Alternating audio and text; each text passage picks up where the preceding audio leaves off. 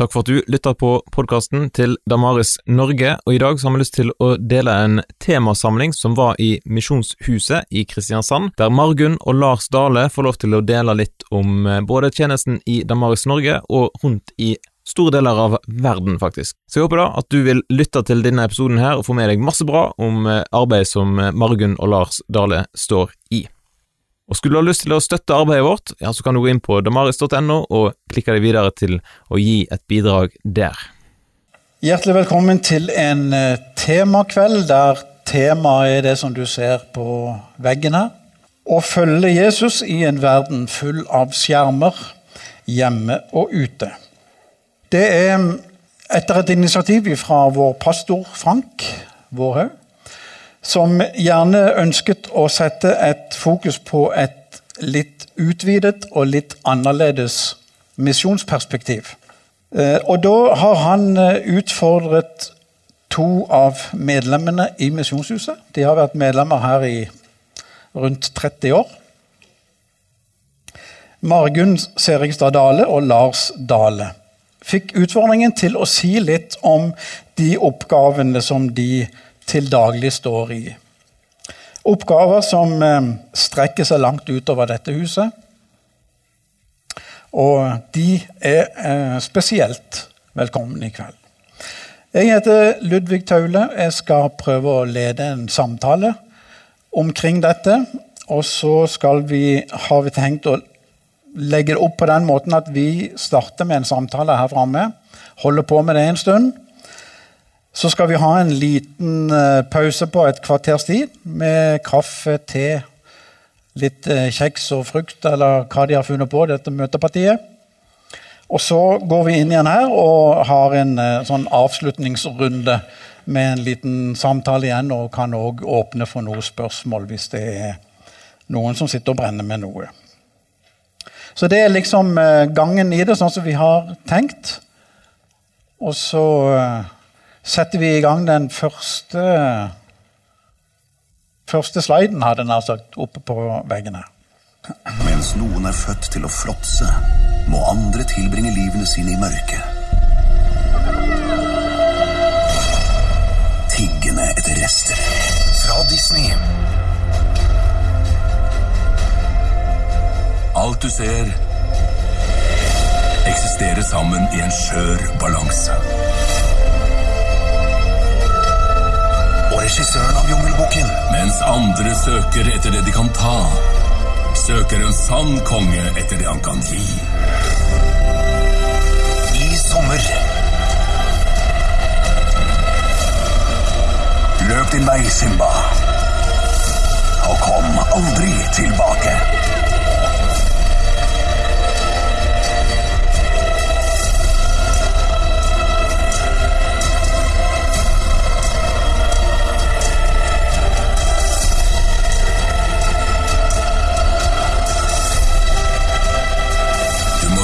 Plass.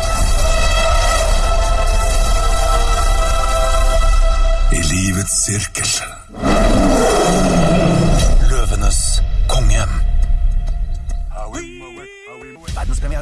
Dere la kanskje merke til det når dere kom inn, den musikken som gikk. Um, ifra den filmen som vi så en liten snutt av her. Uh, så vi har valgt å innlede kvelden med noen klipp og litt fokus på 'Løvenes konge'. En, eh, en veldig populær film fra Disney. Eh, og nå skal ikke vi vise den filmen i kveld, eh, dessverre. Beklager.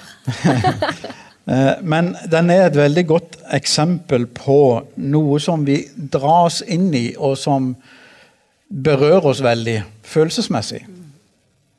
Fordi det er en veldig flott filming. Det er en flott historie. Det er fantastisk flott musikk. Og det topper seg jo med at opptakene på denne nye filmen er gjort i Serengeti i Tanzania. Så da kan jo hele misjonsfolket dra og se filmen, for da, har vi liksom et alibi. ikke sant? Eh, her er det jo bilder fra misjonsfeltet vårt. Margunn og Lars, eh, velkommen. Takk. Når en går og ser en sånn film, som f.eks. 'Løvenes konge', på kino, eh, så får vi altså en utrolig flott filmopplevelse med å, å se dette. Og de fleste av oss de lar det på en måte være med det. Altså Vi går ut igjen med en god følelse, en god opplevelse. Men en som driver og forsker på medier, vil kanskje ha en litt annen opplevelse. Så Margunn, du, er, du har fordypa deg veldig i Disney-verdenen de siste årene. Jobba veldig mye med det. Hva ser du når du ser en sånn film? Nå tenker de sikkert ja, hun nyter ingenting, for det at hun går så dypt inn i det. Hun finner sikkert noe som er på kollisjonskurs med kristen tro, og så blir alt gale. Mm. Selvfølgelig er det ikke sånn, men det er faktisk sånn at dess mer en går inn i filmuniverset, som også 'Løvenes konge', dess mer finner en alt det en vil ta tommel opp for, og si ja. Dette er med å ære Gud som har skapt oss. Ja, dette er nydelig kunst. Ja, dette er fantastisk. Og samtidig så ser en det er noe under her som peker i en helt annen retning enn Bibelens skapergud og Bibelens verdier. Så det er en miks. Så jeg vil jo si, og jeg har blitt spurt mange ganger om det er sånn at jeg egentlig ikke nyter noen filmer lenger. Så sier jeg at det hjelper meg å med en gang si at dette er ikke noe for meg. Og det hjelper meg til å verdsette kunsten og til å se hva som faktisk formidles, og å bruke det som en Jesu etterfølger i eget liv og i samværet med andre.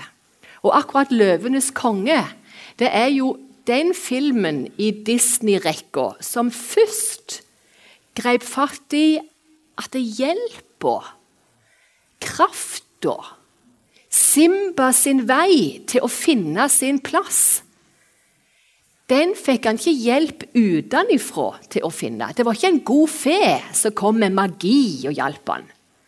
Men han fikk hjelp til å lete inni seg sjøl, til å finne krafta inni seg sjøl. Og den guddommelige krafta inni Simba gjorde ikke at han slutta å synge Hakuna Matata og alt det der, men den gjorde at han tok på seg ansvaret. Og det var den samme krafta og den guddommeligheten som lå i naturen, og som ligger i alt annet. Og Da vet du at da er vi inne i en helt annen religiøsitet enn den som jeg håper du er enig med meg er sannheten med stor S og det beste for alle, nemlig kristen tro. For da er vi i panteismen. Så, så midt i alt det nydelige så, så ligger det pekere i denne 'Løvenes konge' til panteisme.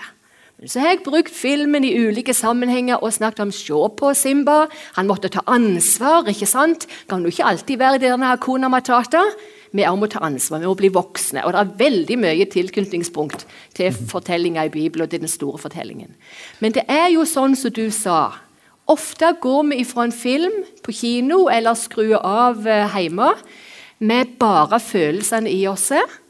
Og da er det som Ingmar Bergman, denne svensken Lars, som lagde en del filmer, sa at filmene treffer oss rett i følelseslivet uten å gå veien om fornuften. Og vi vet at vi er skapte med følelser og med fornuft. Og en filmopplevelse blir enda rikere hvis du kobler på fornuften og da klarer du òg å sortere på en helt annen måte. Det håper jeg vi kan gi litt glimt av hvordan vi hjelper hverandre både på den ene og andre arenaen her.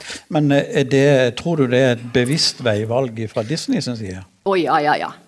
Det er det. Eh, han var veldig klar fram til denne filmen kom i 94 på at eh, vi skulle virkelig være tydelige på at det er noe godt og noe vondt i denne verden. Det skal Disney stå for. Og de står fremdeles for det men de står ikke lenger for å være innen den jødisk-kristne referanserammen og la en sånn magi utenifra gi oss en peker til å si ja, det er noe mer der ute, og Gud kan faktisk gi hjelp.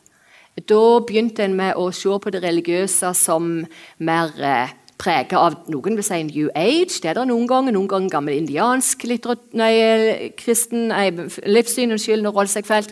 Eh, den siste Frost-filmen for eksempel, går veldig tilbake til samisk eh, sjamanisme og naturreligiøsitet. Så nå vil de inn på ulike marked i ulike deler av verden. Og da disnifiserer de ulike typer religiøsitet.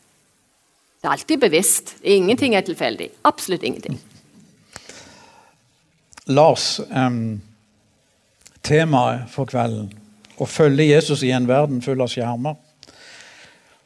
Er det et tema som egentlig er mest for medieforskere og andre spesielt interesserte, eller har det en relevans til hele gjengen? Hvis det var, hvis det var sånn at, eh, at eh, skjermene bare var for noen få, så var det bare for eh, noen forskere og andre. Men det er jo sånn at vi alle omgir oss med skjermer i dag på ulike måter. Og det er klart det står som et bilde på at vi omgir oss i en verden full av inntrykk, full av budskap, full av mediebudskap. Eh, og eh, når dere gikk inn her, så fikk dere en, en, et ark. Og på ene sida er en artikkel fra dagen som jeg skrev før jul. Og da står det uthevet et sitat der om at vi er alle både mediebrukere. Sant? Vi er alle de som mottar budskap, men i dag kan vi alle også produsere budskap. Og det er jo det nye. Sant? Det er blitt allemannseie. Mediene. Og vi ser det hver dag på Facebook sant, og andre sosiale medier. at vi, vi er ikke bare mottakere av budskap, men vi er også avsendere av budskap.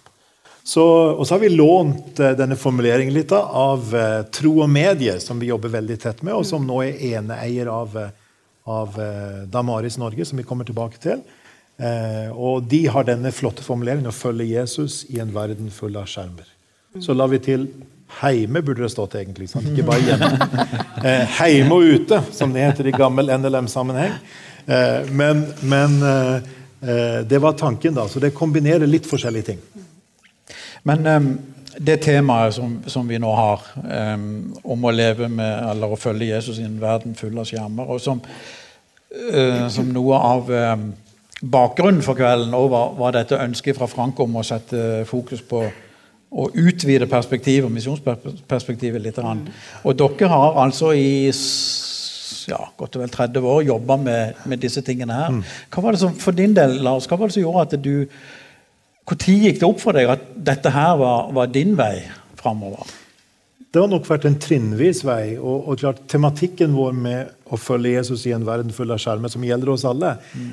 er for oss forankra i eh, Johannes 17, sant, det, som viser på skjermen nå. I verden, ikke av verden. Send til verden.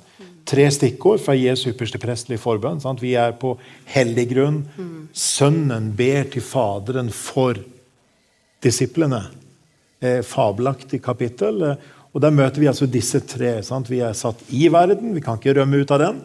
Og verden i dag er en medieverden. Vi skal samtidig være ikke av. Så det er en spenning sant? som kristne, eh, som disipler.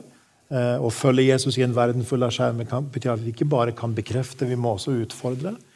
Eh, og, og, så er vi sendt til. Vi har et oppdrag. Vi er, er vitner og ikke bare disipler. Så for min del har det nok vært, vært en, en, serie med ulike bekreftelser underveis. Kanskje begynte det med når jeg som, eh, som tenåring hørte på Norea på Radio Luxembourg i, i Uppsala. Kanskje det. Eh, kanskje var det en bekreftelse når Aspen Kvalbein kom hjem til oss og sa skal ikke du gå på Gimlekollen. Mm. Han, var, han, kjente mine foreldre, og da eh, havnet jeg der som student andre året og hadde gleden av å være her i Misjonshuset da, i 82-83. Det vil si ikke her, men der. Mm. Der i Misjonshuset. Ja, forrige. Eh, og så uh, traff Margunn og jeg hverandre sant, og, og, fant sammen i et kall. Og så fikk vi spørsmål om å, om å ha vår base på, på Gimlekollen. Og så har det for oss vært en, en, en, vandring som der vi ikke har sett alt hele veien, men vi har sett noen steg foran, kanskje. Eh, av og til tydeligere, av og til ikke fullt så tydelig.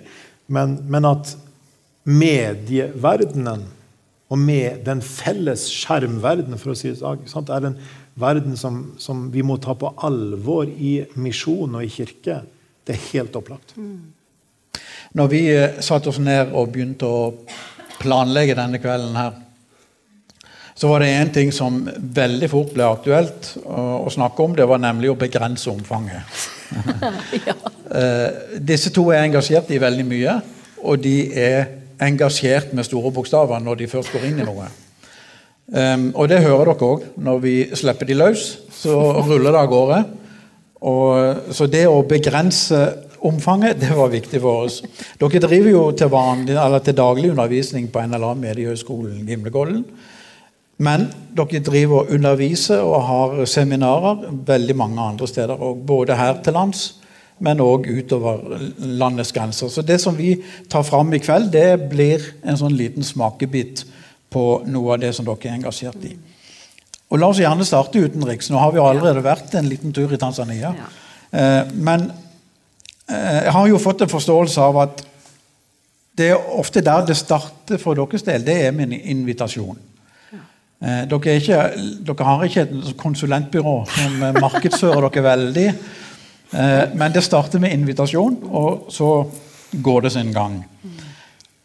Og Margunn, jeg, jeg hørte en, en, historie du har fortalt som jeg vil at du skal si litt om her og nå. For en afrikaner som kom fram med et ønske om å få besøk av Mrs. Margunn, Margun Serigstad Dale and her husband. Ja, hører dere? Er det ikke fantastisk? Uh! Ja. Den, den, lever du på ennå? Ja, den kommer jeg til å leve på til min døyende dag. For det er liksom så politisk ukorrekt, men så fantastisk rett. Ja. Han, han, hadde ikke et navn engang. nei, uten navn. nei. Men eh, skal vi si hva det førte til? For det var jo ganske sjarmerende, ja. egentlig. Um, det er det etiopiske flagget dere må kikke på nå. Uh, det var lederen i Mekane Jesuskirka sitt barne- og ungdomsarbeid, Sehagon, som hadde truffet meg på en konferanse på Fjellhaug, som jo er høyborga til NLM inne i Oslo, der de hadde en konferanse for arbeidere i Norge, og så samarbeidskirka kirkene sine ledere. Og Da husker jeg han var veldig gira på, på dette her som jeg prøvde å snakke om, å være en disippel i vår tid, der mediene er så sterke. Og Så treftes vi igjen i en sammenheng i Lausanne i Jakarta, Indonesia. Det er jo månedens misjonsland, forresten. Eh, og Da kom han på det som var av seminar som vi hadde, og så sa han at dette her, dette trenger vi i Etiopia. Og Så hørte vi jo ikke noe mer, og jeg tenkte ikke mer på det. Jeg ba ikke engang, for å være ærlig. Og så kom det et brev der jeg var kopiert inn, men brevet gikk til ledelsen i NLM Utland og til ledelsen i Mekaniesus kirke. Og der var denne fantastiske setningen om at Mrs. Morgan Serigstad Dale and her husband they have agreed to come to teach.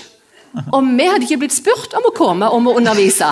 Og der var dato og alt. Og det er ikke for å henge ut Sehagon, det er bare for å løfte han opp.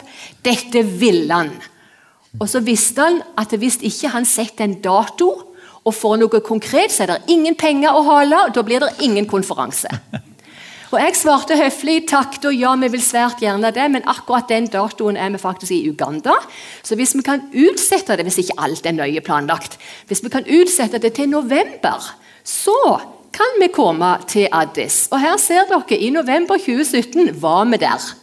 Og Da hadde han altså fått representanter fra alle synodene i det nydelige misjonslandet Etiopia, som jeg får klump i halsen bare tenker på hvor sterkt det var å få invitasjon og så være der. De kom milevis til Godina Tomsa sitt uh, training center, og vi hadde tre dagers konferanse. Det var sterke kost. Og ikke minst, kanskje, som jeg sa til Ludvig eh, For meg var det et møte med barndommens jenteforening og min barndoms heim og bønner på kvelden for misjonærene i Irgalem og Avasa og Gidole og Addis. Jeg reiste rundt, for de reiste seg jo opp den ene etter den andre og skulle presentere seg. Og så var de ifra de misjonsstasjonene som jeg hadde bitt for misjonærene og de innfødte kristne. Det var sånn vi sa i bønna. De innfødte kristne. Og så fikk jeg være med å dele noe tilbake til deg. Og så fikk jeg høre noen historier om eh, single misjonærdamer fra Norge som kjørtes noen råtasser. Og så var det en av disse her ungdommene som hadde, da var liten guttunge. Så det var kjempegøy. Og det var min lærer på Fjellhaug. Jorunn Sørbø. Hun er tung på gassen. Men eh, det var nydelig. Det var veldig, veldig sterkt. Eh, og godeste en av lederne eller journalistene i Dagen hvem var Det nå det var? Det var Johanna Hundvin. Dukte plutselig opp eh, i, Nairobi, nei, i Addis og spurte oh, er dere på oppdrag. Og så kom hun og var med og fikk med seg litt av det som skjedde. eneste hun ikke helt har fått med seg, er at Mekane Jesus-kirka er ikke den største kirka i verden. Men det er den største lutherske kirka i verden, og det er ikke lite, det heller. Så det var en fabelaktig gjeng. Og vi gjorde det fordi vi lever i eh, den doble lyttingen, Ludvig. Nå har vi begynt å snakke litt om det dere holder på med. Mm. Men gi oss en liten, liten smakebit på altså Konkretisere det litt, hva dere gjør. Ja. Men du, du, får ikke en hel skoletime? altså. Nei. Men det er det som driver oss, og det er det som driver deg òg i din hverdag som, som Jesu disippel og etterfølger. At du vil lytte til Bibelen og du vil lytte til samtida. Og den samtida er så preget av skjermer, men skjermene formidler mer enn det visuelle. Og så lytter vi til Bibelen, og så lytter vi til det som formidles, og så bygger vi ei bru. Og så våger vi å bekrefte det som er sant og godt og rett, og er i, virkelig i eh, tråd med kristen tro, og så utfordrer vi det som ikke er det. For vi vet, og det var det vi fikk dele med denne flotte pastorgjengen på en 80 stykk i Addis Ababa i 2017. Vi vet at det formidles så mye mer enn det vi først legger merke til. Og Der måtte vi ha det på engelsk, og det klinger for så vidt bedre enn på jærsk. More is said than what is spoken. Og Da sa vi første del, og så sa resten av gjengen andre del, og nå gjør vi òg det. More is said than what is spoken. Og da sitter det. Og så vet vi at det er mer. Det er spor av andre livssyn. Religiøse og ikke-religiøse livssyn. Så skal vi gå steg og i lag med hverandre, i lag med våre ikke-kristne venner. Og så skal vi avdekke det, og så skal vi faktisk eh, være tydelige på at eh, å vokse som en kristen er å våge å bryne seg på de andre tankeretningene. Og Det gjør vi jo eh, i Damaris-sammenheng. Så egentlig det som vi fikk fram i Damaris for uh, snart uh, 20 år siden Er det så lenge? 18. Det er vilt. Det er akkurat den der doble lyttingen til John Stott. Å bygge ei bru, men først lytte til ordet, og så lytte til ordene. Bekreft alt som er sant og godt, Filipperne 4,8, og våge å utfordre det som ikke er av Gud. Det som ikke er i tråd med Guds gode vilje, med Guds tanke, men lære å tenke Guds tanker etter Han. Og det er nydelig å se Hilde sitte der i salen, som var med i pionertida for Damaris, og som lever i det i sin hverdag. Og så lever vi i det i vår hverdag. Og så sa Hilde tidlig Margon, dette trengs i Kenya, dette trengs i Afrika, dette trengs overalt i verden. Og så har vi etter den tida også fått være i Kenya. Så det er, er, sterke ting, egentlig. Da skal vi litt tilbake til uh, Mrs. Erikstad Dale som husband. uh, uh, Margunn nevnte denne lederen for Mekaniesuskirkens barne- og ungdomsarbeid som hadde mm. møtt dere i en Lusann-sammenheng. Mm. Um, og i alle fall i de siste ti årene, kanskje enda lenger, Lars, så har dere vært veldig sterkt engasjert i Lusann-bevegelsen. Kan du si veldig kort hva er Lusann-bevegelsen for de som ikke er helt familiære med den? Og det sitter mange folk her i salen i kveld, og inkludert eh, Tor Svein, som var, var eh, sekretær i Lausanne-komiteen i Norge i mange år. Åtte år. Så her kan flere fortelle, men nå, akkurat nå var det jeg som skulle si noe. Eh, så eh, Lausanne-bevegelsen er en, en, paraplyorganisasjon, et nettverk av nettverk, som ble starta av Billy Graham. Han tok initiativ i 1974. Han fikk med seg noen veldig viktige ledere, deriblant den mest kjente John Stott, som vi allerede har møtt. Og, og de to står som eh, medgrunnleggere av Lausanne. Og Lausanne er da kort sagt det å knytte folk til, til sammen. Knytte folk sammen på tvers av regioner i verden. Billy Graham hadde reist verden over, hadde funnet ut sant, masse evangeliseringsaksjoner som vi vet, mange steder. Og overalt der han kom, så var det en mangel på, for lederne til hvem skal de ha kontakt med i andre land. Hva er plattformen for dette? Og Parallelt med det så hadde det såkalte Kirkenes verdensråd i den fasen blitt veldig liberalt. Eh, I min hjemby Uppsala så var det i 1968 et, et historisk møte som regnes som nesten kanskje det mest liberale i historien i Kirkens verdensråd. Og, og Derfor var det behov for et balanserende motpunkt, som så viste seg å påvirke Kirkens verdensråd i mer positiv retning seinere også. Så, så, det var behov for å knytte ledere sammen på tvers av regioner i verden. På tvers av ulike temaer, emner og fagfelt. Og på tvers av generasjoner. Og For min del så har jeg primært, og vi, vært med på dette andre på tvers av fagfelt og temaer. Eh, det har vært tre store kongresser i Lausanne som har samlet mye. Mange folk. Det første i 74, den andre i Manila i 89 og den tredje i Cape Town i, eh, i 2010. Eh, og Det var i forbindelse med Cape Town som, som jeg ble invitert inn til å ta ansvar for mediene som tema som eh, misjonstema, eller skal vi si det på et veldig populært ord i dag, misjonalt tema. Tema som har med livet som disipler, ikke bare i misjonsorganisasjonssammenheng, men hele livet som disipler og vitner. Det skal vi komme litt tilbake til. Eh, vi har en liten videosnutt som forteller litt om Lausanne-bevegelsen. Vi ser på den. Den er på engelsk, men eh, vi, Lars, du forklarer litt etterpå. Ja. Connection. They bring us together. They enable us to do more than we could do on our own. What happens when you bring together the right people with the right ideas at the right time for the most significant purpose on earth? Something amazing. For 40 years, the Lausanne movement has been connecting ideas and influences for global mission. God's mission calling us together to address the foremost challenges and opportunities facing the global church.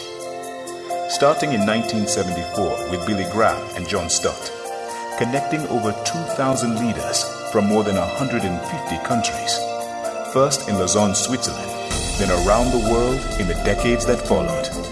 The most globally representative gatherings in the history of the church, connecting leaders to humbly pray, plan, and partner together for breakthrough, resulting in ideas that change the course of global mission, calling the church to share the gospel in both word and deed. Focusing for the first time on unreached people groups, introducing a vision for mission in cities, considering the world's 1040 window, reaching out to diaspora communities, advancing the gospel among oral learners. There are new challenges opportunities for the global church today, we must bring together our very best for the most important reason making Christ known. The Lausanne Movement, connecting influences and ideas for global mission. En liten rask uh, oppsummering. Ja, ja. Jeg tror vi kan si at Lausanne-bevegelsens betydning ligger på tre måter, kanskje ut fra dette. Det første er for å klargjøre hva er en evangelisk, eller som en ofte sier, evangelikal tro? Overbevisning. Sant? Det finnes sammen på tvers av evangeliske kirkesamfunn, der en har bibeltilliten felles. En har Kristus-sentrertheten felles. En har fokus på personlig tro og omvendelse og på dypt sosialt engasjement. Sant? Det er de fire tingene det regnes med. Så en plattform for å finne sammen. Og så la dere merke til kanskje at det var snakk om ulike temaer her som Lausanne-bevegelsen har satt på dagsorden. Unådde folkeslag. Eh, når vi tenker på hvor sentralt det står i Misjonssambandet sitt arbeid, i Nordmisjon sitt arbeid, og f.eks. Pinsevennens Pinsevennenes ytre misjon, f.eks. Så, så det har ikke kommet uten videre på plass der. Det er fordi ledere har vært og tatt inntrykk og kjenner at dette er en del av Vi hører hjemme her. Sant? Vi tar imot utfordringen. Eller byene. Med å arbeide i byene på samme måte. Sant? Ikke fordi, men det var fordi en fant sammen. Og, og, og, og, En veldig viktig sak i forbindelse med det. Altså plattform, viktige ideer. Connecting influencers and ideas for global mission. Og så dette med at globale, det globale sør ble hørt. Eh, I 1974 så var første gang, sies det, som, som eh, led Som for alvor ble den globale altså Afrika, Asia, Latin-Amerika, representanter fra kirkemisjon der, kom på lik linje med ledere fra Europa og Asia og tjente sammen. En av de mest kjente lederne den gangen var Festo Kivengere. Eh, forfatter av biskop i Uganda, forfatter av boka 'Jeg elsker i, elsket Diamin', hvis dere husker den boktittelen, som gjorde stor suksess i Norge også. Mm. Og han var en av hovedtalene sant, ved siden av John Stott og, og, og, og, Billy Graham og andre. Og Vi kunne nevnt mange, sant, men poenget er at det er et partnership. Og Hvis du spør misjonsledere i Norge i dag, så vil det si at noe av det absolutt viktigste er at vi har misjonsoppdraget felles. Eh, vi ikke, sitter ikke lenger i nord ikke sant, og sitter alene med dette, men det er et fellesskap. Så Cape Town var for oss den første opplevelsen av det globale Lausanne. Hva, fortell litt om den utfordringen dere fikk i forhold til Cape Town i 2010. Ja. Det var altså Lincy Brown, som var generalsekretær i, laget, i, i internasjonale laget, som hadde blitt leder for det internasjonale arbeidet i, i Lausanne, som spurte eh, meg om, om, ansvar, om, jeg kunne ta ansvar for mediene, som jeg sa, som, som tema. Eh, og da fikk jeg med meg en hel gjeng, og, og, og som bl.a. Margunn og, og, lederen, de som grunnleggende av Damaris i England, Nick og Carol Pollard og, Tony Watkins. og en flott gjeng. Eh, men det plutselig gikk det opp for meg. Hva i all verden skal jeg fokusere på? Altså, hva, hva, hva er innholdet i dette her? Og det ble skikkelig overveldende, så jeg ante absolutt ingenting hvilken vei. Og jeg ba om dette her, og så husker jeg en gang, da, hvis du tenker på det, at eh, det var hjemme hos oss eh, så har vi ikke en veldig stor gressplen, men vi har en gressplen. Og da, og da var jeg ute og, og klipte den en, i august i i 2009, for det var ett år og en måned før. Eh, ett år og to måneder før. Og da husker jeg bare det at Før jeg begynte på den klippinga, så, så var ingenting klart for meg. Og etter det så var det tre stikkord som var klart. Nemlig bevisstgjøring, nærvær og misjon. Og det skal vi snakke mer om. Det er nesten litt sånn Hans Nilsen Hauge over det der. Ja. Så det var, det, var helt, det, var et, det var, en helt spesiell opplevelse, men uh, Margunn påstår at jeg var mye lettere å få meg til å klippe plenen etter det. Ja, jeg venter stadig på mer sånne gullkorn, men de er ikke kommet, så jeg vet ikke helt. Eh, de, eh, de stikkordene du nevnte der, eh, mediebevisstgjøring, medienærvær og mediemisjon, det gikk jo det gikk jo rett ifra plenen og inn i Cape Town-erklæringen. Ja. Ja.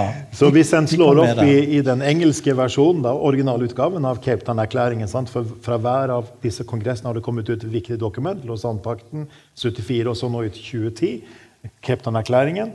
Så eh, vil dere finne de begrepene. Eh, og det er litt revidert fra redaktørene. Eh, fra norsk side var Tormod Engelsviken gjorde en viktig innsats der. Men det var Chris Wright som var hoved hovedforfatter. Men det er vel riktig å si at, um, at de formuleringene der, det er på en måte det dere navigerer etter nå i, i dette medienettverket? Ja, vi er nødt til å si litt kort hva det innebærer. Media awareness, bevisstgjøring, betyr at vi først av alt møter mediene som brukere. Vi, vi, møter budskapene. Før vi, en, en, en, på, før vi gjør en innsats inn i mediene, så har vi allerede møtt mange budskap.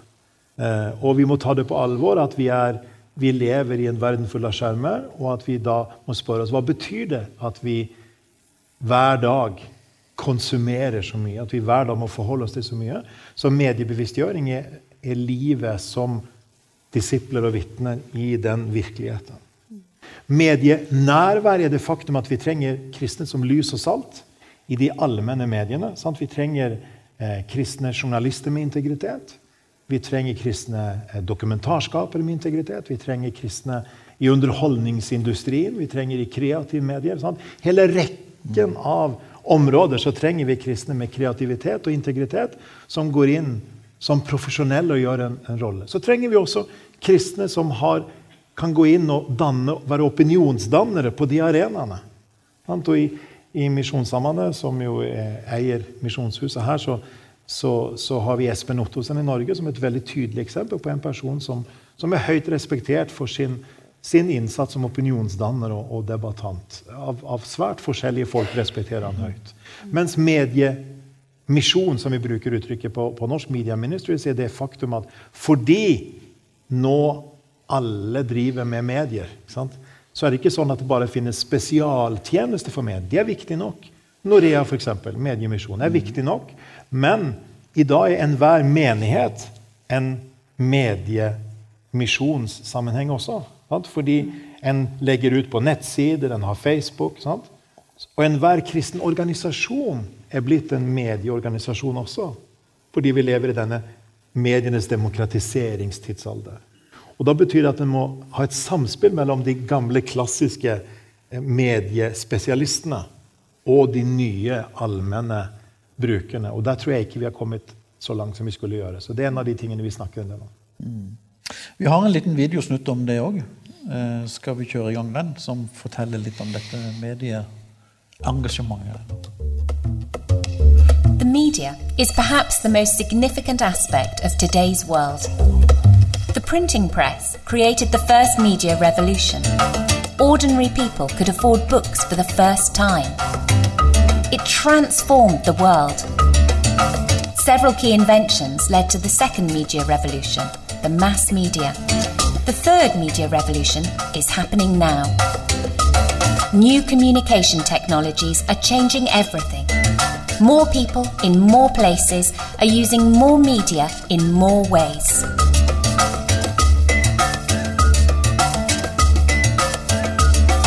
This presents the church with some challenges.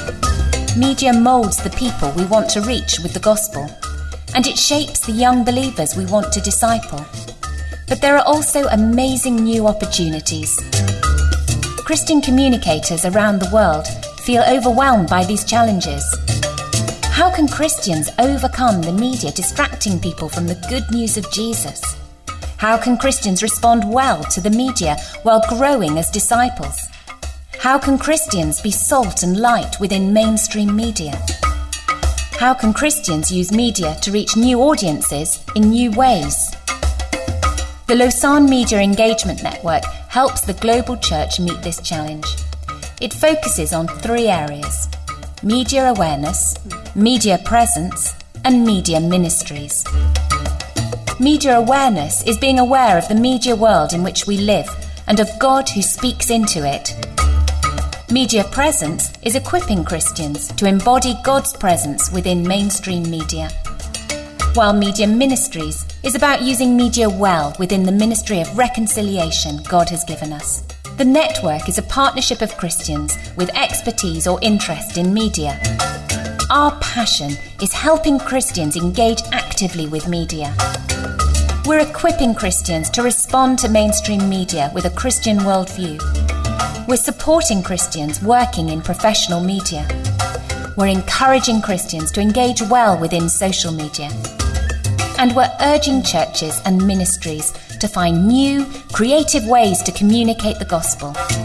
Together, we can engage with media to the glory of Jesus Christ, the ultimate communicator of hope and life. Her blir det nevnt eh, de tre store medierevolusjonene. Boktrykkerkunsten, eh, kringkastingen og den siste som vi står midt oppi, med, med digitale medier. Og Sånne medierevolusjoner er jo òg et ledd i en sånn samfunnsutvikling. og Det bør jo òg gi noen konsekvenser for hvordan vi arbeider når det gjelder misjon. Og du, Lars, du snakker snakke en del om misjon i 3D. Forklar hva du mener med det. Eh, misjon i 3D er tredimensjonalt eh, misjon. Det betyr eh, lengde, bredde og dybde. Eh, og da er det sånn at Dette er en formulering fra forordet til Cape Town-erklæringen. som vi har på engelsk bilder der, eh, som, der det står sånn, som Jesu disipler. Og bare si, poenget her er at det står i en sammenheng der, der de sier hvorfor inviterte vi til en kongress som Cape Town? Hva var poenget? Jo, vi ville utfordre den globale kirke til å bære vitnesbyrd om Jesus Kristus. Sånn Som Jesus er kalt til å bære vitnesbyrd om Jesus Kristus og alt han lærte. Legg merke til formuleringen 'bære vitnesbyrd om'. Jeg vet ikke om, om dere tenker på noen spesiell bibelbok, men Johannes evangeliet er full av uttrykk om vitne, vitnesbyrd, bære vitnesbyrd. Og ordet på gresk jo, har jo med mart, martyr å gjøre. Det er det som er det greske ordet for vitnesbyrd. Martyria, martyreo. Martyr. Så har det blitt blodsvitne ikke sant, i vårt språk. Men det sier nære sammenhengen her mellom ord og liv i den, den bibelske forståelse. Så, så, og alt han lærte, det minner oss da om, om Matteus 28, ikke sant? misjonsbefalingen.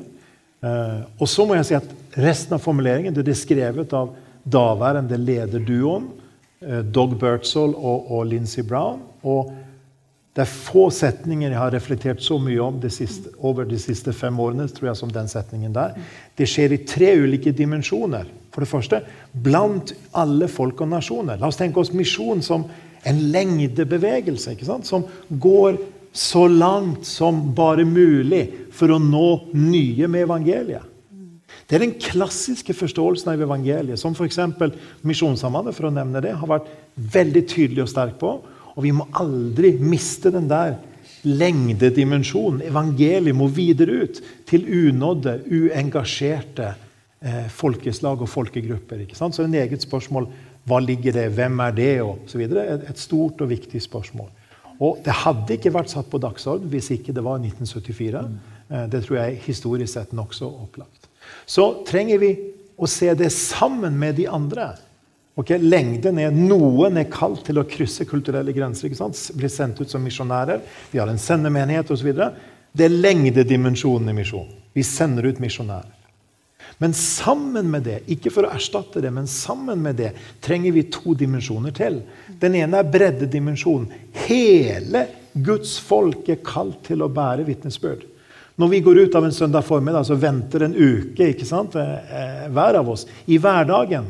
Der hver av oss har våre arenaer. Våre yrkesarenaer. Våre fritidsarenaer, våre naboarenaer, våre eh, hobbyarenaer. Der vi er. Og på de arenaene er vi kalt til å bære vitnesbyrd. Og jeg lurer på hvor mye det egentlig forkynnes. Og formidles og undervises. At det er på en måte noen få som skal gjøre misjonsoppdraget for oss alle.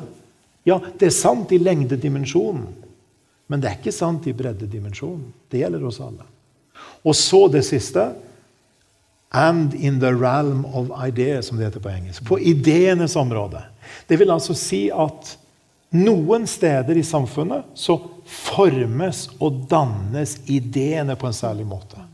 Vi vet det i utdanningen. Når, når en går gjennom skole og helt opp til høyskole, kanskje, så preges vi av de tankene. Derfor er det veldig viktig hva som preger skolen til enhver tid. Og med å være obs på det, og hva som preger høyskole og universitet. Sant? Hvilke tanker og ideer? Er de begrensende? Er det relativisme? Er det åpenhet? Når, kirke og stat i Norge skulle skilles fra hverandre, så var spørsmålet både hva slags kirke, men også hva slags stat. Og vi fikk en veldig viktig utredning. Det livssynsåpne samfunn. Altså et samfunn der det skulle være mulig å være forskjellige. Med respekt for hverandre, i uenighet, i dyp, intensiv argumentasjon. Sant? Så på ideenes område, særlig kanskje i det akademiske liv, for der formes og dannes ideene som kommer ned andre plasser, og i mediene. Og det er jo hvorfor vi er så opptatt av mediene også. ikke sant? Og, og spør, det er klart at, Som mange har sagt, at, at i eh, f.eks. TV-serier kan åpne opp ting. Nye Bryte tabuer eller åpne nye, nye, sette nye spørsmål på dagsorden. Positivt og negativt. Og så blir det ofte filmer, kanskje storfilmer, som sementerer dette, virker på en, i bredden, f.eks. Så vi trenger, tror jeg, å se misjon som Vi trenger å se misjon som en tredimensjonal bevegelse. Der vi alle er med. Vi er med og sender eller blir sendt. Vi er med alle sammen fra menigheten og blir sendt. Og vi må ta på alvor at ideene former. Og For meg har det blitt bare for å avrunde med det, for meg har det blitt en, en fornyelse av at misjon er mye mer enn vi ofte tenker. Det er ikke mindre enn det vi har blitt formidla, men det er mer enn det vi har fått formidla tidligere. Og da kom det så for meg, det som er bak meg her. Misjon i forhold til de tre dimensjonene og den ungdommen du ser, som har fått innspill fra en reklame fra Pepsi som sier 'Lev for øyeblikket'. Som har fått innspill fra alle fortellingene i smarttelefonen sin. Som egentlig oppfordrer til å tenke etter hva er godt for deg? Hva er viktig for deg? Hva er sant for deg? Og som ser filmer og som følger med på TV-serier og alt det. Og himmelen bak forteller deg at vi er i Tanzania. ikke sant? Det er ikke solnedgang eh, på Sørlandet. Ja, Der kunne det godt ha vært, for det er likt overalt. Og Derfor vil vi være der, via Damaris, via Lausanne, med denne gode boka her, og hjelpe ikke minst de unge i dette presset som de møter fra akademia og fra mediene. Og da spør vi når vi er rundt. Viser vi et lite glimt fra en serie eller en film eller en reklame, eller tar et lite sitat fra en lærebok, så spør vi hva er det som er et godt liv ut ifra denne fortellingen her. Hva er rett og galt? Hva, hva er det som gir deg mening? Hva svar får du på 'Hvem er jeg?' Det er jo det mest vesentlige spørsmålet vi alle stiller oss. Hvem er jeg? Og hvor finner jeg mening? Og så relaterer det til, til hva Bibelen faktisk sier. Og Senest i dag så, så jeg jobba med en god kollega i Damaris med manus som hun har lagd, jeg bare er med litt på slutten, til arbeid blant tweens i Norge for å hjelpe dem til å spørre Tru vitenskap. Er det clash, eller? Og trua mi i forhold til det de andre tror. Er trua mi som kristen lik, eller er den faktisk sann? Ser dere? Vi må være der i de tre dimensjonene i misjonsengasjementet. Både når vi er ute med Lausanne-hatten på hodet, og når vi er her hjemme med Damaris-hatten på hodet. Og uansett hatt, som kristen, så må vi være der. Da runder vi av her og nå. Vi skal ha en liten pause. Etter pausen så skal vi bl.a. til Uganda og eh, høre litt om uh, ting og tang der. Det skal vi. Men uh, skal vi si et kvarters pause? Mm. Rett før vi gikk til pause, så sa jeg at vi skulle snakke litt om Uganda. Og det er det er en spesiell bakgrunn uh, for akkurat Uganda. Men se på Lars. Han er bare så gira Det å si noe om denne her. Han er murstein av ei bok, for han er så gysla stolt av den boka. Så han må få si noe før, ja, før vi tar. Uganda. Jeg, jeg, kjenner han. Altså, bak, bakgrunnen her da var at eh, Den dansk-norske misjonslæreren, eh, missiolog som det heter, misjonsviteren, eh, Knud Jørgensen, som mange av dere vil kjenne navnet på, noen av dere kjenner. Eh, han hadde begynt på et gigantisk bokprosjekt, og så hadde vi da i etterkant av eh, Cape Town vært med og bidratt i en bok. Og han likte tydeligvis det han så, så han Han sa det, tok kontakt en dag i 2012, tror jeg, og sa Lars, jeg jobber med en stor bokserie. og det ble stor. Det var 35 bind. Oi. 35 bind. Jeg bare sier det. Eh, også, men vi mangler et bind om Lausanne. Har du og Margunn lyst til å være medredaktører på det? sånn? I mitt nokså ungdommelige overmot da, så sier jeg ja. Eh, resultatet ble altså den boka her.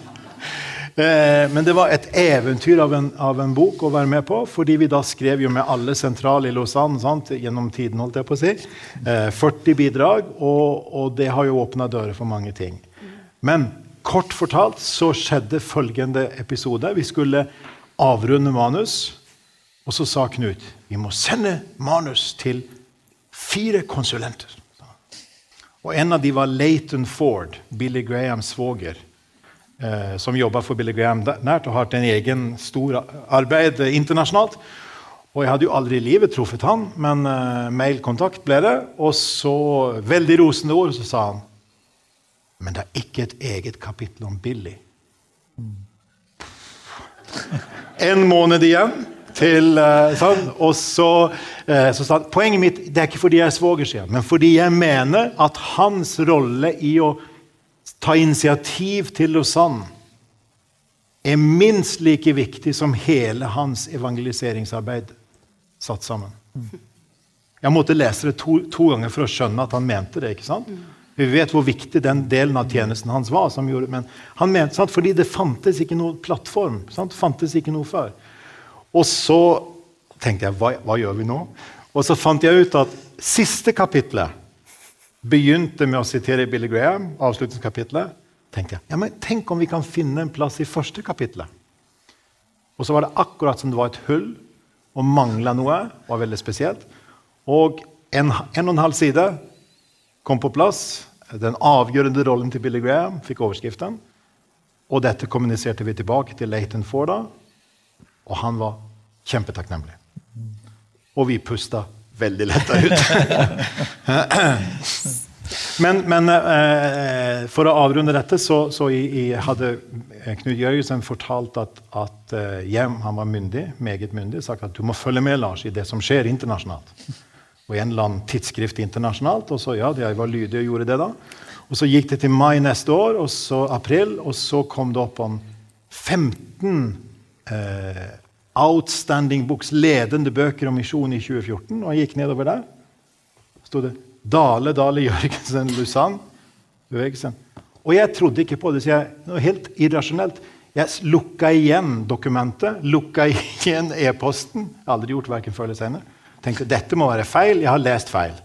Og så så åpna jeg opp igjen og sa jo, det sto faktisk der. Så det er jo da veldig kjekt at, at noen eh, misjonsfagpersoner internasjonalt satte pris på at dette For det har ikke vært gjort før at den har på en måte dette. Så, så, og det er jo Løsenet til at vi kan bruke så mye tid på dette, for å si det sånn, er jo fordi vi som ansatte på en høyskole har mye forskningstid satt i vår stilling. og da eh, så lenge det kommer noe ut av det som er positivt for institusjonen, så bryr folk seg ikke om så mye hva hvordan en kommer til målet, for å si det sånn, uten at, at målet helliger midler på alle fronter. Og det kommer jo virkelig noe ut av det, da. Ja, tydeligvis gjorde det det. Ja. Ja. Og Det kommer også noe ut av det når vi reiser til, til Kenya med Teft familie. Vi hadde bare lagt inn en liten der, fordi vi må ikke glemme at det er nordmenn både her og der. Og Noen tar med familiene sine og er tre måneder på den gamle skoletomta i Nairobi. Eh, og der har vi fått våre og Bjørn Hinderaker, og undervist. Og da er det disippelgjøring det går i. Disippel foran TV, disippel foran skjermen, og det er misjon i 3D. Og der skal vi ned igjen om ikke lenge. Men du var mest gira på Uganda. Ja, jeg var kan det. ikke begripe det? Nei, kan du begripe det? Ja, jeg forstår det så godt. Og Det begynte i Cape Town 2010. Og det er litt nydelig å dele, for det at vi trenger sånne inspirasjonskilder, og vi trenger sånne påminninger om at Gud ser. Gud er en Gud som ser.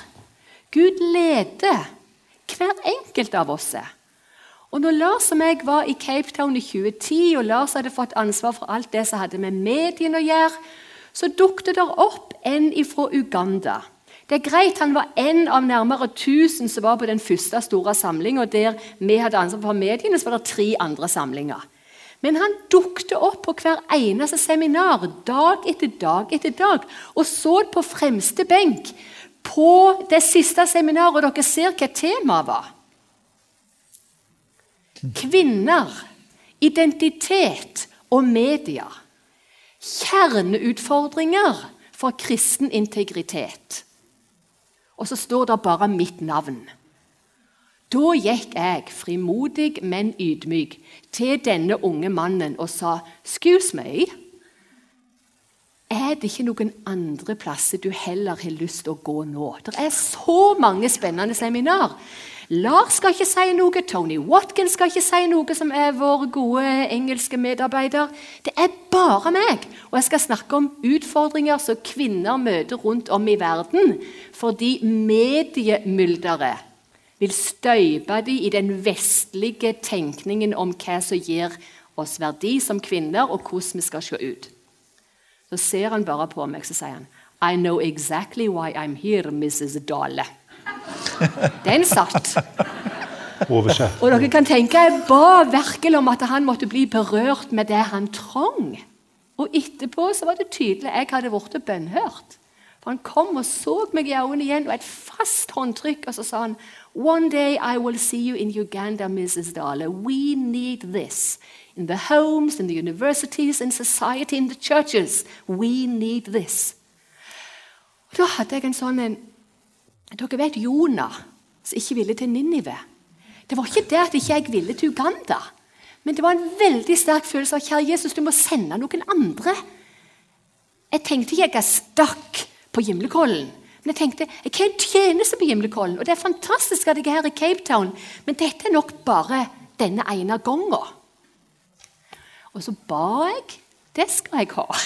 Jeg ba for denne her unge pastoren fra Kampala. Så gikk det fem år, folkens.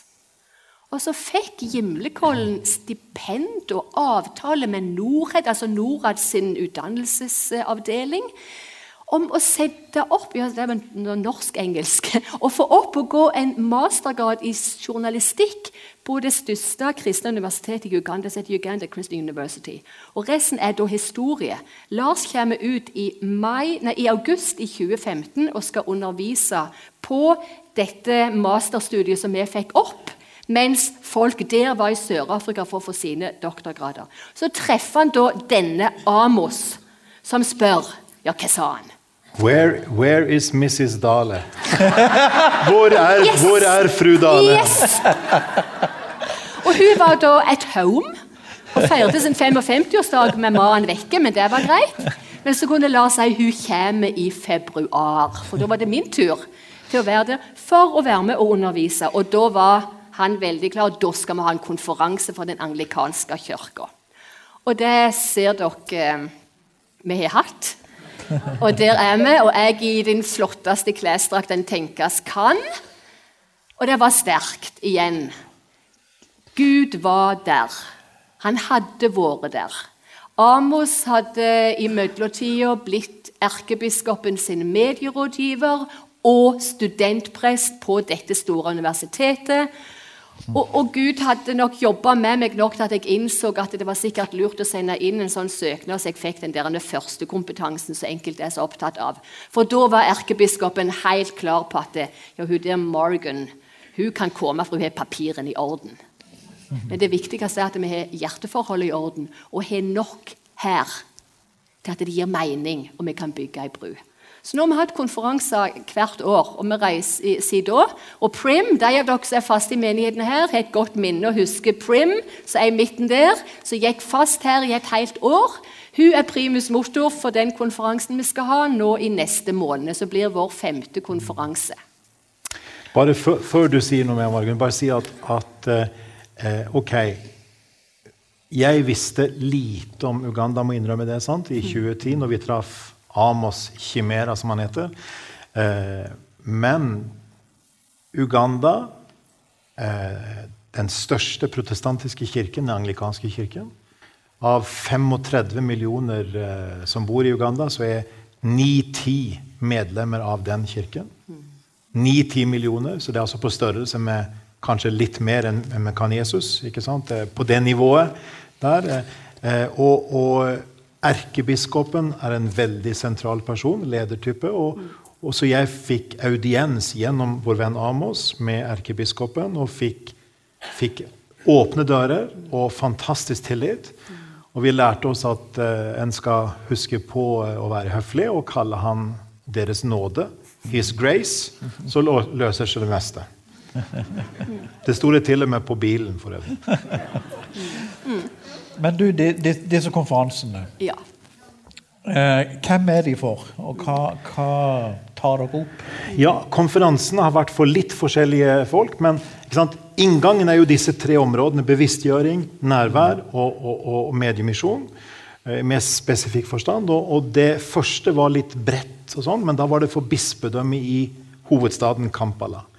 Ikke sant? Og da snakker vi om, om en, altså en bysetting, en urban setting. ikke sant? Med, med der, Det kunne nesten vært hvor som helst i verden på en måte. ikke sant? Selv om Afrika har sine utfordringer, så ligner også Afrika.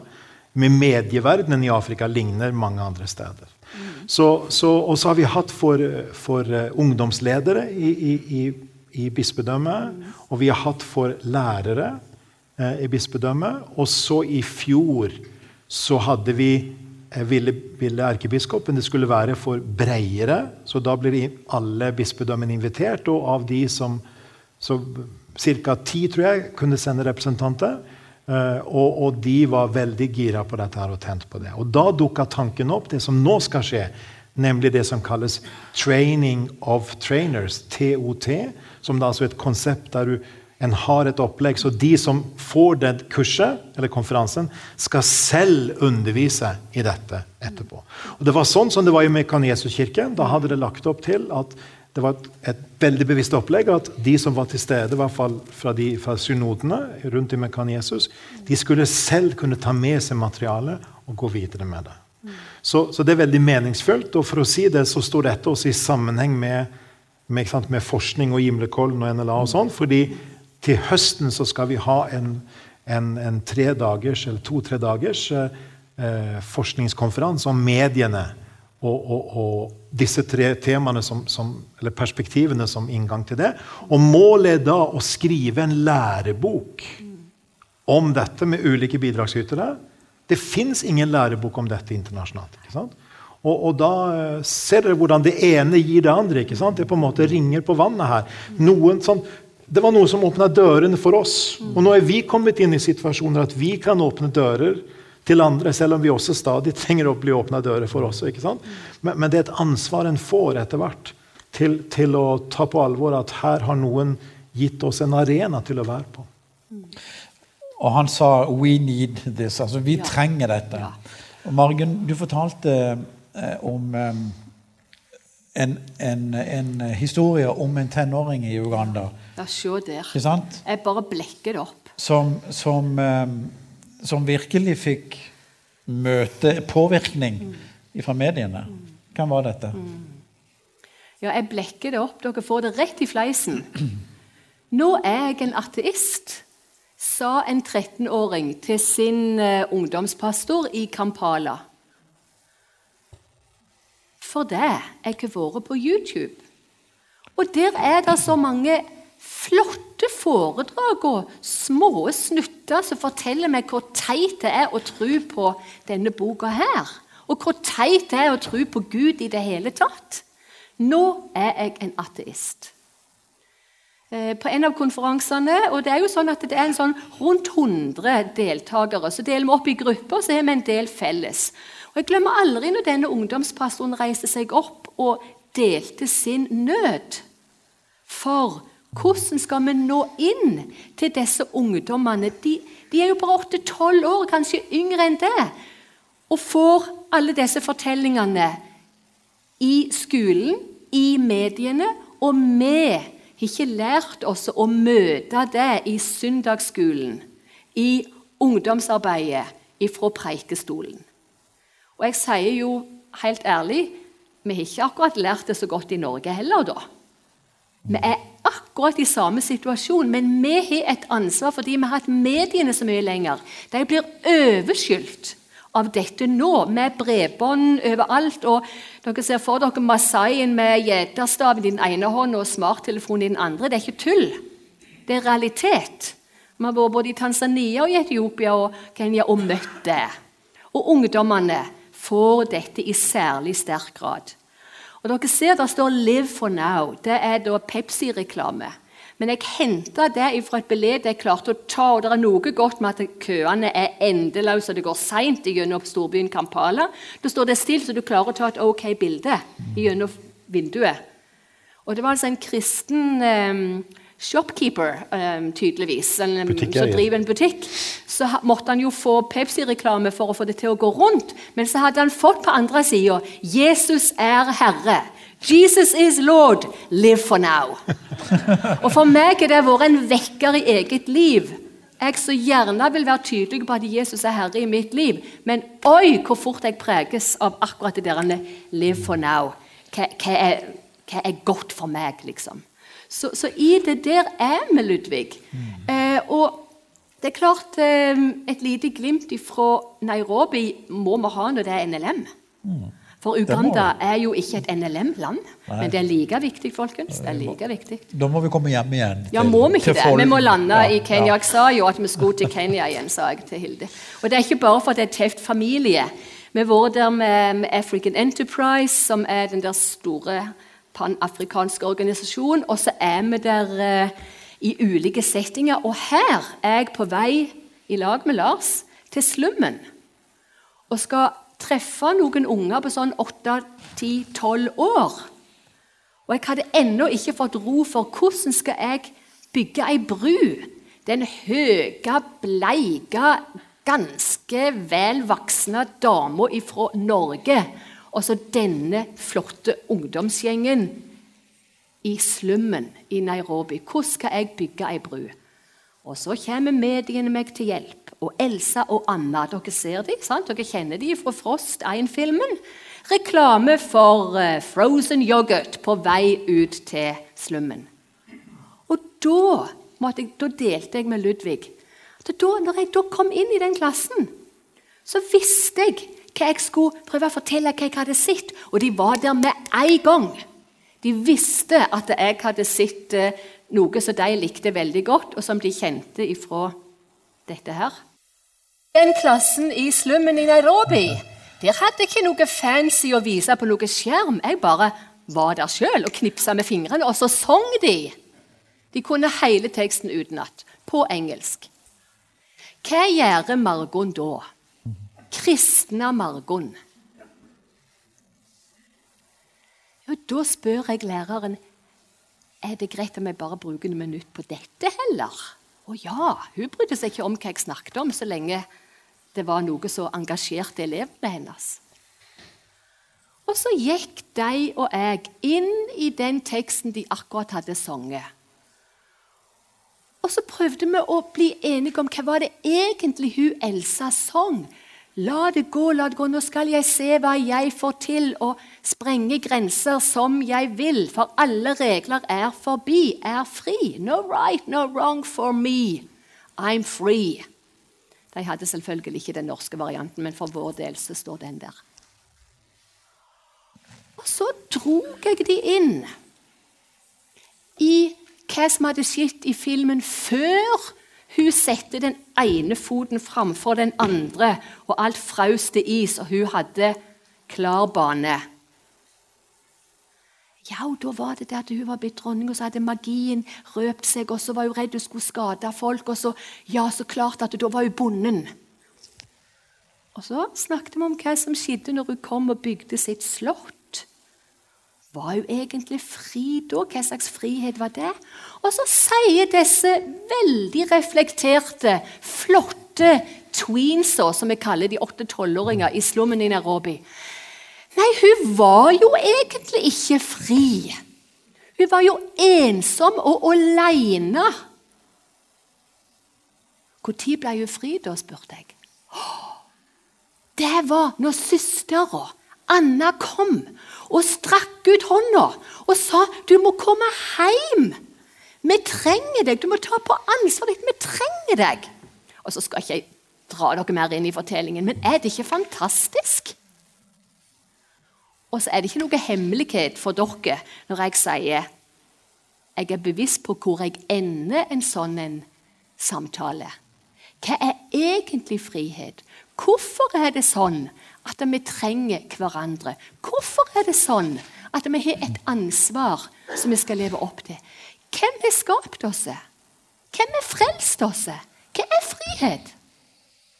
Dere, Det ble egentlig litt sånn hallelujastemning. Bare for det jeg hadde blitt ledet til å se Frost-jentene langs hovedveien. Og for det at jeg prøver å leve i det der Lytt til Bibelen, lytt til de stemmene rundt i mediene. Bygg ei bru og hjelp de unge til å verdsette alt som er så godt og rett, men våge det motsatte. Våg tommel opp og tommel ned. Det er ikke ende på hvor unge og små de kan være før de likevel ser at det er viktig. En av lærerne på Fjellhaug sa jeg brukte tommel opp og tommel ned for treåringen min. Hun var helt med. Og så sa han etterpå jeg brukte til og med de der, de der fingrene dine. Vi snakket om om den filmen var skummel, eller om han var inspirerende, om han var trist, eller og så snakket vi om hva hun likte best, og hun klarte å si hvorfor hun likte Elsa best. Og hun kunne si noe om det var faktisk noe hun ikke likte. Hun likte ikke når det at eh, det ble den der avgrunnen der. Og så kunne hun si noe om hvem hun helst ville være, og hvorfor. Ja, Hun ville være Anna, for Anna var jo så snill. Anna redda jo Elsa. Og så det kom til det siste spørsmålet, så hadde treåringen sagt Vet du hva, pappa? Jeg vet ikke om Jesus hadde vært glad for noen ting, egentlig. og da var heldigvis han våken og sa og det tror jeg. Jeg tror det er mye Jesus hadde vært glad for i den filmen. Det du var glad for, det hadde Jesus òg vært glad for. Og så ser dere hvor vi går. Og Når vi da har den hånda, om det er voksne pastorer i den ene eller andre storbyen, eller om det er unger nede på Gimletun, så sier jeg hånd tomen. Det er den som har med Det er Jesus. Så legger du alle de andre fingrene rundt, og så vet du at han går med i møte med alle budskapene i skjermene. Så skal du spørre deg hva mon tro Jesus hadde tenkt om dette? Det er disippelgjøring i vår tid. Det er disippelgjøring av ungene på tre år og den på 80 pluss. Jeg tror vi skal la det på en måte runde av hele greia. Mm. Men hvis det er noen som sitter og brenner med spørsmål, skal vi gi anledning til det? Oh yes. Ja. Vi er jo alltid gode tid. Det er verre med deg. hvis ikke de er helt svette i ørene nå. Eh, men er det noen som sitter med spørsmål, så kom gjerne fram med det. Vi har en mikrofon til rådighet her. Bare gi et tegn hvis det er noen som ønsker Gir den der mening? Jeg bruker spør studentene sånn, og så sier de ja, i groen. For det, at, eh, eh, det er jo sånn Havflata vet vi alle hvordan er, og, og, alle vet vi, som du Ludvig sa innledningsvis, vi dras inn i filmene med følelsene våre. Eh, og vi blir oppstemt eller lei oss, og vi er på en måte i det universet. Det er ikke alltid så lett å sette ord på etterpå hva som skapte det i oss. Men, men, det er underholdning, og god underholdning, god kunst. Det er sånn ære være Gud for det. Men under den der underholdningsbiten så er det alltid noe mer. Og den der havmetaforen som jeg kaller den, illustrerer det at rett under havflata er det jo noe mer i sjøen òg. Og Hvis vi tar på alvor at sånn er det i filmer og alle andre fortellinger, så er det der noe mer. Det er det som regissøren gjerne vil vi skal ta med oss ifra denne opplevelsen. Og du spør jo, jeg husker jo det, du spurte var det bevisst ifra Disney f.eks. med panteismen og 'Circle of Life' og dette. Ja, sier jeg, det er alltid bevisst. Det kanskje å ta litt hardt i, tenker du. Er de ikke bare ute etter å tjene penger og underholde oss? Nei, de vil noe mer. På godt og vondt. Ikke alle er like bevisste. Men ingen av de er nøytrale sjøl, så det er alltid noe som siver igjennom. Det er alltid noe mer enn underholdningsbiten. Og det er klart, I Damare-sammenheng, i ressurser vi har både for menighet og skole, så er vi veldig tydelige på å gi hjelp til å forstå det underliggende av livssyn. Som jeg sa i 'Løvenes konge', så finner du mye panteisme, f.eks. Vi finner mye sekulærhumanisme rundt om i disse fortellingene. Og de er der dypt nede. Og Derfor så sa Bjørn du er en dårlig selger. Nei, Han sa det ikke sånn, men han sa du burde sagt noe om bokbordet før pausen. Men denne her er ikke så torsken. Dere får den 200 kroner billigere enn den egentlig koster. Manus for livet. Fordi disse fortellingene vil gi oss manus for hvordan ungene våre, hvordan barnebarna våre og hvordan vi skal leve våre liv. Så ta den gjerne med og vippse litt. Eller hvis du liker best noe tynt, der er vi har for alle. Disippel foran TV, og den er gysla bra for der vi er tynne.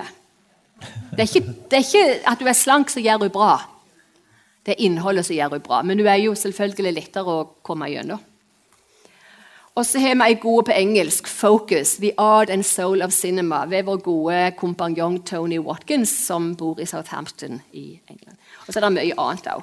Men, men, poenget er jo nettopp det der å, å, ta på alvor at vi må grave dypere, vi må mm. dukke dypere. Men, og det er bare men, da vi gjør dobbel lytting, mens egentlig. folk tenker på om det er noe spørsmål, bare til, for å reflektere litt over Eller bare et eksempel som eh, vi i Damaris sammenheng så i teamet, så fordeler vi oppgaver mellom oss, og noen skriver om det, og noen skriver om det. og Det falt på min lodd å, å skrive om Downton Abbey. Vet ikke hvor mange av dere som har sett den veldig populære. Eh, hjemme hos oss var det absolutt eh, noe vi prøvde å prioritere. Eh, nå er vi over middels glad i England, da, det skal sies. Eh, og over middels glad i engelsk historie i tillegg. Eh, så da ble det nesten fanga av det. Men, men eh, sikkert mange av dere som i hvert fall kjenner til at det var en serie som gikk på, på norsk TV, og var da opprinnelig britisk produsert, og som skildra livet på et stort, stort gods eh, mellom de upstairs og downstairs. De, eh, altså adelsfamilien med alle forviklinger og tjenestefolket.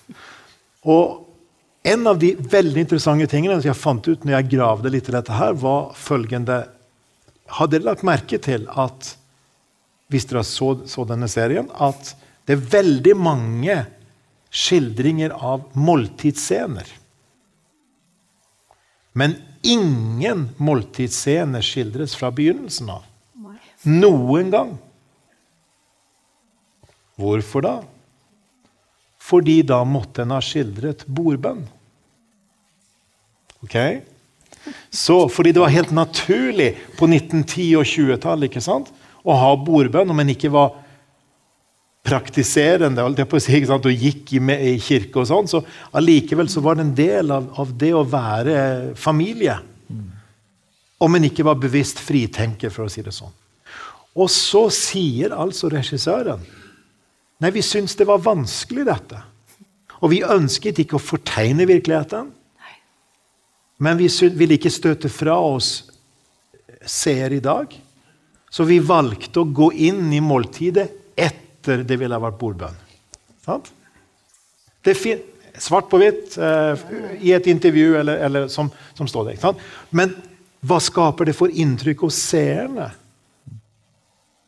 Det er gjort et elegant grep. ikke sant? Vi kan kalle det nesten dramaturgisk grep for å bruke fag, fagspråk. ikke sant? Men det skaper et inntrykk hos oss at ingen ba. At bønn var et fremmedelement. ikke sant? Bønn eksisterte ikke.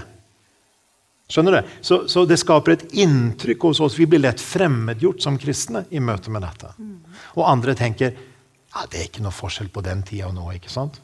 Hvis en reflekterer over det. Så den type ting går lett under radaren for oss. ikke sant? Og derfor vil, vil jeg gjerne og vi gjerne slå et slag for å og, og Hvis dere ser noen sånn serie, og søker inn på Snakk om tro som dere har på arket nettsida til, f.eks. og spør ligger det noe der om det, så kan det være noen pekere.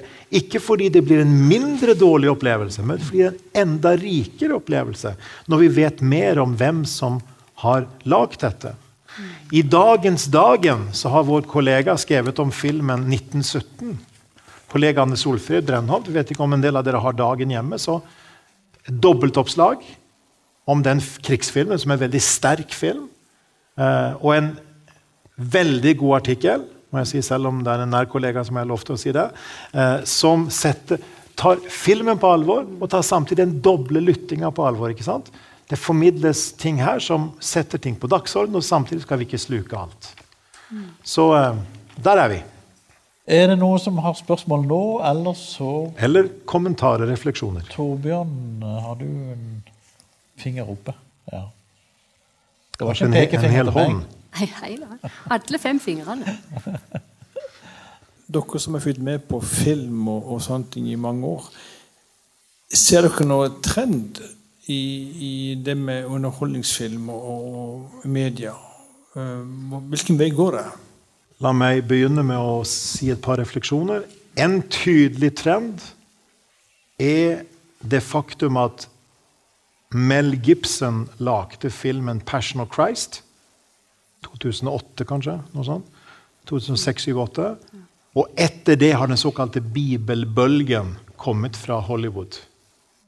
Sånn at i, som en del ikke bare av filmer liksom ved siden av, men filmer midt i hovedstrømmen, har vi filmer om bibelske fortellinger og personer.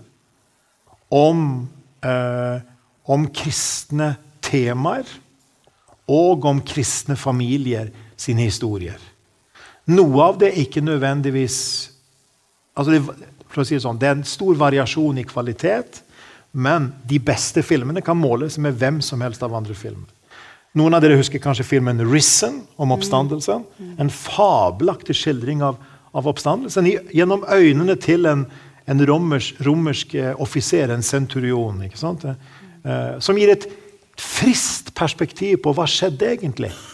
Og vi skjønner hvor vanskelig det må ha vært for alle å skjønne ja, men noen må vel finne kroppen. ikke sant? Det må vel være noen som klarer å finne dette døde legemet en plass. Altså, hva, hva har skjedd? Og Vi hører det så ofte at vi lett kan bli, bli sløva til å skjønne hvor dramatiske nyheter dette var. Eh, det er et eksempel på det. Sant? Så jeg tror det er én type eh, trend som er veldig tydelig, der, der det har kommet Fordi også Mel Gibson viste at det gikk an å lage en film som mange kristne gikk og så på. Og I USA så er fortsatt eh, menigheten en viktig gruppe potensielle kinogåere? Som, som da en ønsker å nå frem til for at en film skal bli vellykket også. Men ellers så kan vi nok bare si at det er et stadig større mangfold i filmverdenen. Og film er et veldig, veldig sterkt påvirkningsmiddel, selv om det høres litt løye ut å si det sånn. For det er så sterkt medium. Det er ikke for ingenting at jeg siterte Ingmar Bergman, at det treffer oss i følelseslivet uten å gå veien om fornuften. Hvis en tar et sånn forskerblikk på det, så vil en si at det er i seriene som en har på den lille skjermen, ikke sant? og som en før fikk inn i stua fordi det var bare en fjernsynsskjerm. Da har du det i hånda.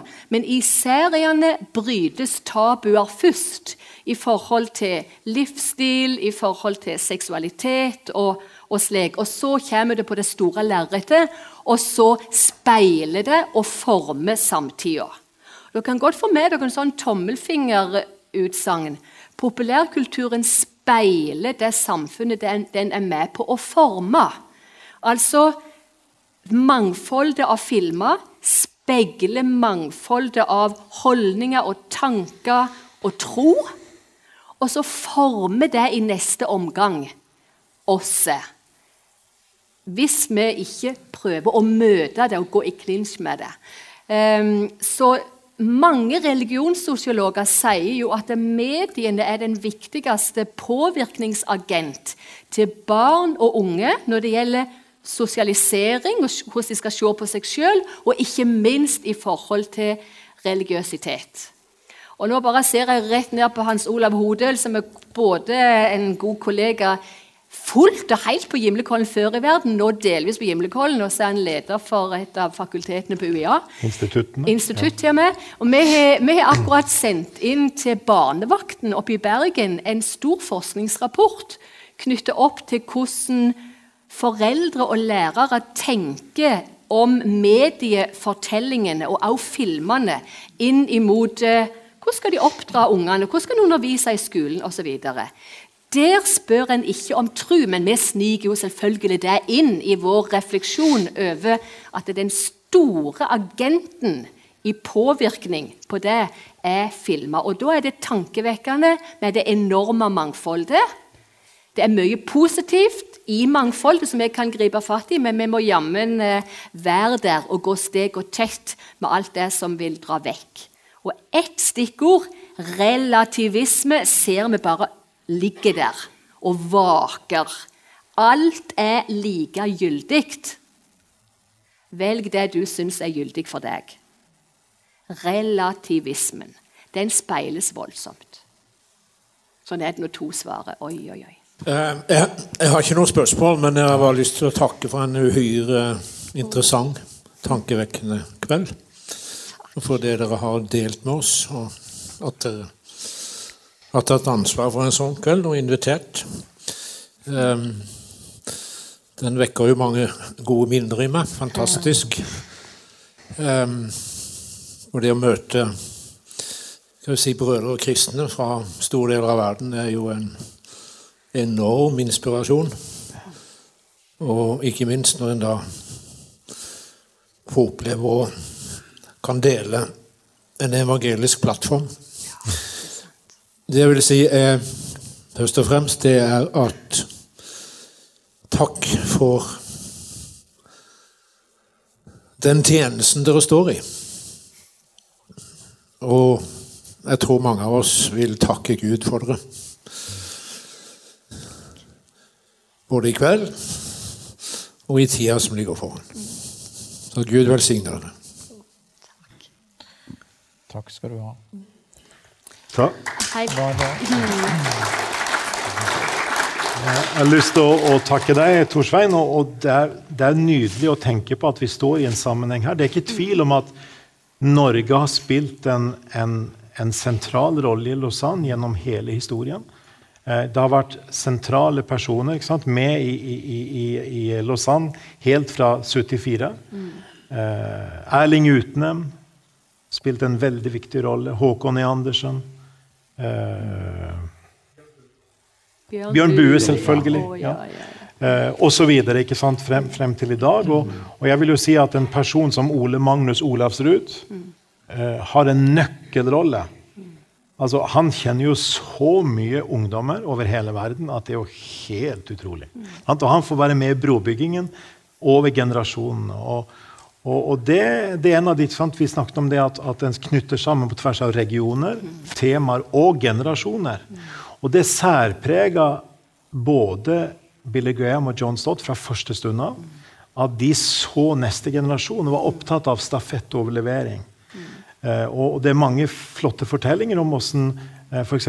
John Stott eh, in, inviterte da unge fra globale sør, fra kirkeledere, til å vandre sammen med seg, bokstavelig talt, på morgenen.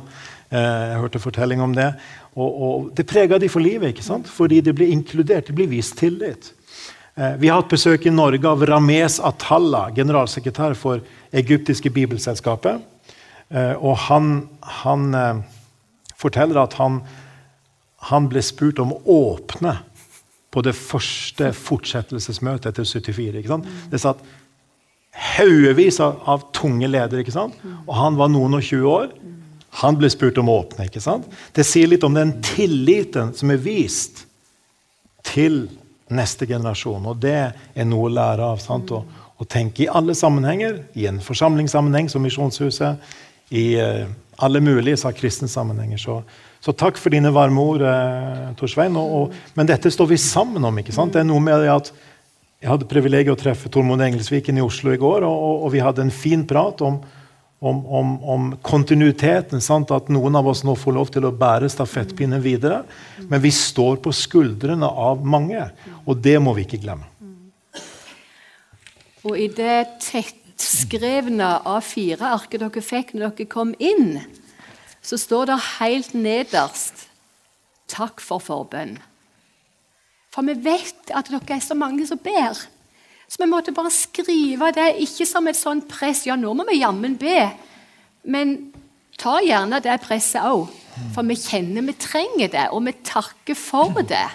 Så ser dere at det står Damaris Norge bak her, fordi det er på mange måter plattformen i den norske konteksten som har gitt oss muligheten via Lars sitt tillitsverv i Lausanne til å dele det globalt. Og vi er frimodige nok til å bare tenke ja, har du lyst å vippse et beløp som en liten sånn takk til Damaris? Og bruke ressursene. Klikk deg inn. Det er så mange skjermer i Damaris-universet med ressurser til deg og dine barn og barnebarn. Så gjør det. Og så sa Frank sett ei korg på vei ut, så de kan gi en slant i cash, som han sa, hvis de ikke vil vippse. Fordi vi vil gjerne i Misjonshuset oppfordre til givertjeneste også til Damaris. Så det er raust ifra vår forsamlingsleder, eller pastor, for å kalle han ved hans rette navn. Så takk skal dere ha for og Og det. kanskje kan vi da eh, bare legge til at eh, dette året i år er et spesielt år i Lausanne i Europa, fordi det ble tatt initiativ til en samling i oktober, som er den første større samlingen i Europa i Lausanne-sammenheng siden 1974. Og det kalles da eh, Lausanne Europe 2020 Gathering Samling. ikke sant? Og så rundt den samlingen så er det et års prosess eh, som kalles da samtale eller konversasjon. Så det er gathering and conversation. Samta, eh, samling og eh, samtale. Og grunnen til at jeg nevner det, er at, at jeg faktisk har blitt spurt om å være styreleder for dette. Og det er helt umulig uten et glitrende team. Eh, og det har vi, og det er veldig mange involvert. Og tanken er at de 800 som skal være til stede der, skal representere mange flere enn seg selv. Derfor kalles de delegater. Samtidig skal hver av de knytte rundt seg eh, en gruppe på 10-12-14 stykker som skal følge dette i et år. Og så håper vi at dette skal ha ringvirkninger. ikke sant? Og kunne, som vi har sett i historien, har Lausanne fått lov til å sette nye ting på dagsorden. Og en av de nye tingene vi nå setter på dagsorden, er Temaet heter 'Dynamiske evangeliet det nye Europa'. Dynamic Gospel New Europe. Og vi har satt oss som mål at 20% av de 800 skal være fra migrantbakgrunn. Altså fra Afrika, Asia, Latin-Amerika-bakgrunn. Eh, med bopel i Europa. Det er første gang en har et så høyt mål på en, en, en, konferanse i Europa, så, så, vidt vi vet. Og vi håper det kan bygge broer sant, mellom eh, disse menighetene som vokser rundt forbi. Jeg hørte i går at i Oslo, en, en kirke, så Norske kirke har veldig få på sin, sin høymesse, men resten av dagen går til den ene etter den andre av nasjonale samlinger. ikke sant? Og sånn er det rundt forbi. Vi, vi her i Misjonshuset får lov til å ha folk som, som bruker våre lokaler. ikke sant? Og, og, og det er en sammenheng her. Så, så Misjonshuset får lov til en spesiell måte å stå i et internasjonalt arbeid. Derfor er dette også en del av hjertespråket i vår forsamling. Og derfor er det ekstra meningsfullt for, for meg å være med på det. Da har jeg prøvd eh, to ganger å runde av. Eh, gjør Du må et be. forsøk Vi, til. vi, vi, vi forstår det ikke før du ber. Men eh, jeg har veldig lyst til å si tusen takk til dere eh, for at dere kom og, og delte noe av dette. Og som sagt, det er noe av det dere holder på med, vi har, har fått eh, være vitne til og høre litt om. Og så er det mange andre ting som vi kunne ha snakket om. Men det får vi heller komme tilbake til senere, kanskje. Eh, tusen takk òg til dere som har vært med å legge det praktisk til rette. Eh, både Astrid og Helge Eiken og Liv Margrethe Hegeland, som har vært møtepartiet. Og disse som har sittet med lyd og bilde, Magne Hauan og Åsle Myrvang. Og Bjørn har eh, romstert litt her i kulissen òg, både før og kommer sikkert til å være med litt etterpå òg. Bjørn Hinderaker, tusen takk, alle sammen. Og Odd Østby har eh, sagt seg villig til å tolke hele greia. Så tusen takk, alle sammen. Og til dere som kom, hjertelig takk for at dere kom. Og eh, velkommen igjen en annen gang. Margunn, vil du lede oss i bønn til slutt? Ved Guds miskunn har vi fått denne tjenesten. Takk for at det er sant for hver enkelt av oss i dette rom. I den tjenesten vi har i det daglige. Hver enkelt av oss. Så er den gitt oss av deg, og det er bare nåde. Og så har Lars meg fått lov å dele litt av det du har vist oss vi skulle gå inn i. Men så er det en del av det store fellesskapet som alle vi i dette rommet er en del av. Og vi fortsetter å bare be om din velsignelse over hver enkelt av oss sitt liv som disipler. Som dine vitner der vi er. Og jeg ber om at du må få vinne mer skikkelse i hver enkelt av oss. Og undervise oss ut ifra ditt ord, som er grunnfesta der. Og gjøre som John Stott utfordrer så sterkt på. Lytte til ordet. Og så lytter vi til ordene. Vi lytter til den store fortellingen i Bibelen, og så lytter vi til fortellingene rundt oss. Og så skal vi få lov å vurdere tommel opp og tommel ned med utgangspunkt i alt som er sant og godt og rett, og med utgangspunkt i det som vil dra oss vekk. I vår hverdag, i egne liv og i vårt møte med vår neste, hvem den er nå. Hvem den nå er.